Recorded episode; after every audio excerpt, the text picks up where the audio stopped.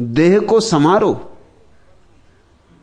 मंदिर के लिए पर न देव को बिसारो। इतना भर ख्याल रहे कि मंदिर के लिए देवता ना बिसर जाए। इसका यह अर्थ नहीं कि मंदिर को विसार दो। मंदिर को साफ़ करो, सुथरा करो, सजाओ, बंधनवार लगाओ, दिए जलाओ। मंदिर प्यारा है। देवता का विस्मरण ना हो। देवता के कारण ही प्यारा है। वो जो मंदिर के गर्भगृह में देवता विराजमान है, उसको ना भूलना। लेकिन यह मंदिर उस देवता का शत्रु नहीं है, उसकी सुरक्षा है।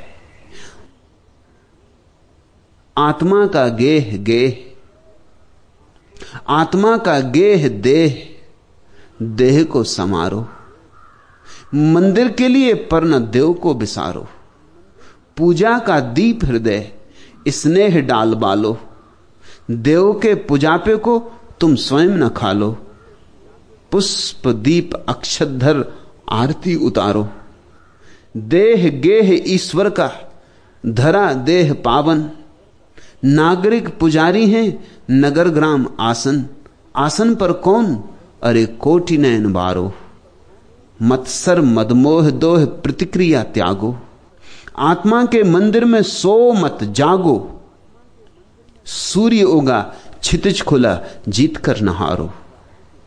मन को जाने दो, मन तुम्हें सुला रहा है। मन एक नींद है। मन को जाने देखो कि मन ही है, मत्सर मद मोह द्रोह। मत्सर मद मोह दोह प्रतिक्रिया त्यागो। आत्मा के मंदिर में सो मत जागो। सूर्य उगा छितिज खुला जीत कर नहारो आत्मा का देह गेह। आत्मा का गेह देह देह को संहारो मंदिर के लिए पर न देव को विसारो। यही तो मैं सिखा रहा हूँ। मेरी देशना यही है कि, कि प्रकृति और परमात्मा एक है।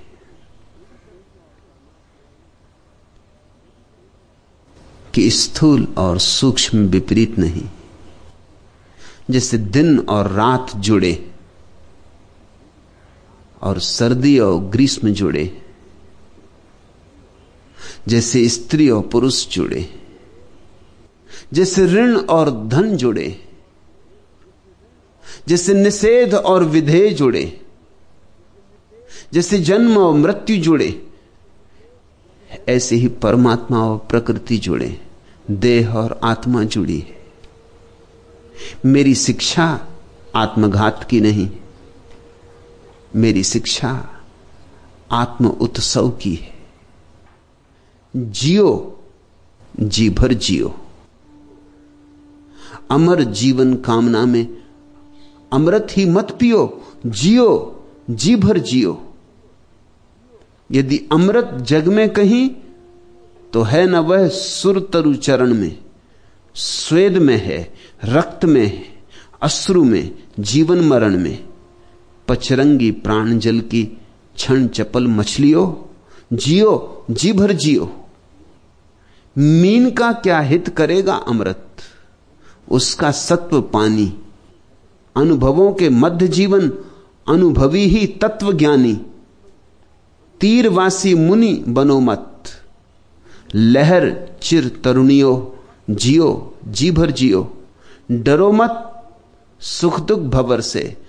लगाओ चुबक अतल में। डूब कर उबरो, उबर कर डूब जाओ पुनः जल में। सप्त, सप्तक धर।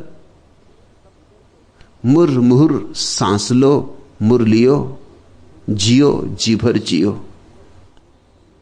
अतल हो या सुतल, सुंदर सकल संकेत स्थली है। देह धर आत्मा किसी अभिसार के पथ चली है। ठटक कर मत अटक जाओ, वेणु सुन हिरनियो जियो जी भर जियो। दान ले यदि शीस का वह, वेणु का वादक अहेरी। नाद लुब्धा मुग्ध नैना, दान में करना न देरी। मरण ध्रुव धनवंतरी है। रुचिर की धमनियो, जियो जी भर जियो। आर जीवन, पार जीवन, मरण मणि में देहली है। दीप अनुभव का सिखा में लौ लगाए बेकली है। वरोमत निर्वाण, ज्वाला बन जले बिन। दियो, जियो जी भर जियो जल लो जी लो ज्योतिर्मय हो लो जल्दी क्या है? प्रभु जिस दिन पाएगा कि अब देह की कोई ज़रूरत ना रही, हटा लेगा देह भी, पर उस पर छोड़ो। यह तुम्हारी मन की आकांक्षा ना हो।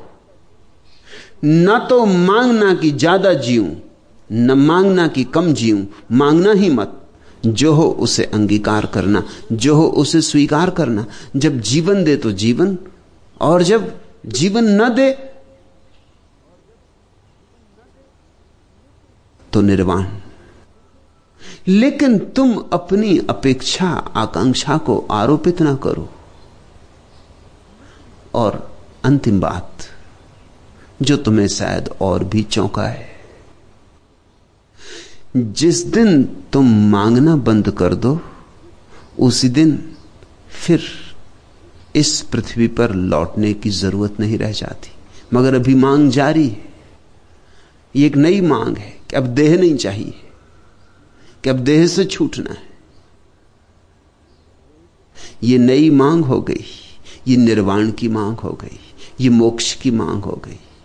और जब तक मांग है, मोक्ष कहाँ? जब तक मांग है, तब तक आवागमन से मुक्ति कहाँ? मांग ही तो लाती है। मांग वासना है। भिखारियों का कोई मोक्ष नहीं होता। सम्राट बनो। और सम्राट बनने का ढंग है, जियो जी भर जियो। परमात्मा ने जीवन दिया है, धन्यवाद से जियो। और जिस दिन ले ले, उस दिन धन्यवाद से दे देना वापस। दिया उसने, लिया उसने। तुम बीच में ना आना। इस भाव दशा को मैं सन्यास कहता हूँ। तुम बीच में ना आना। जो है, उसे वैसा ही स्वीकार कर लेना सन्यास है। और जिसमें ऐसी परम स्वीकृति फलित होती है, उसका मोक्ष हो ही गया। जीते जी हो गया। वह जीवन मुक्त है।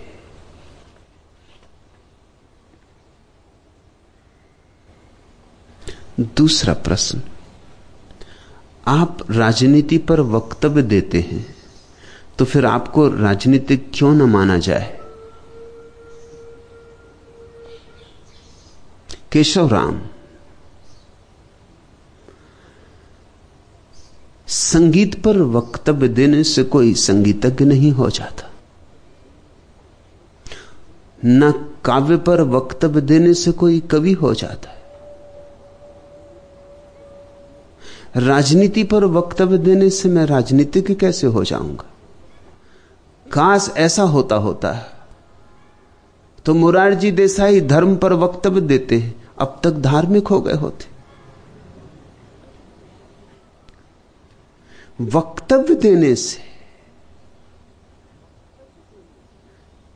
न कोई कवि होता, न कोई धार्मिक होता, न कोई राजनीतिज्ञ होता। कवि होना हो तो कृत्य। और संगीतज्ञ होना हो तो कृत्य। और राजनीतिज्ञ होना हो तो कृत्य। और धार्मिक होना हो तो कृत्य। कृत्य निर्धारक है। मैं राजनीतिज्ञ नहीं हूँ। लेकिन धार्मिक व्यक्ति को राजनीति पर वक्तव्य देने का उतना ही अधिकार है। जितना राजनीतिज्ञों को धर्म पर वक्तव्य देने का अधिकार है। जब अंधे भी आँख वालों के संबंध में वक्तव्य दे सकते हो तो आँख वालों को तो कुछ अधिकार है अंधों के संबंध में वक्तव्य देने का या नहीं?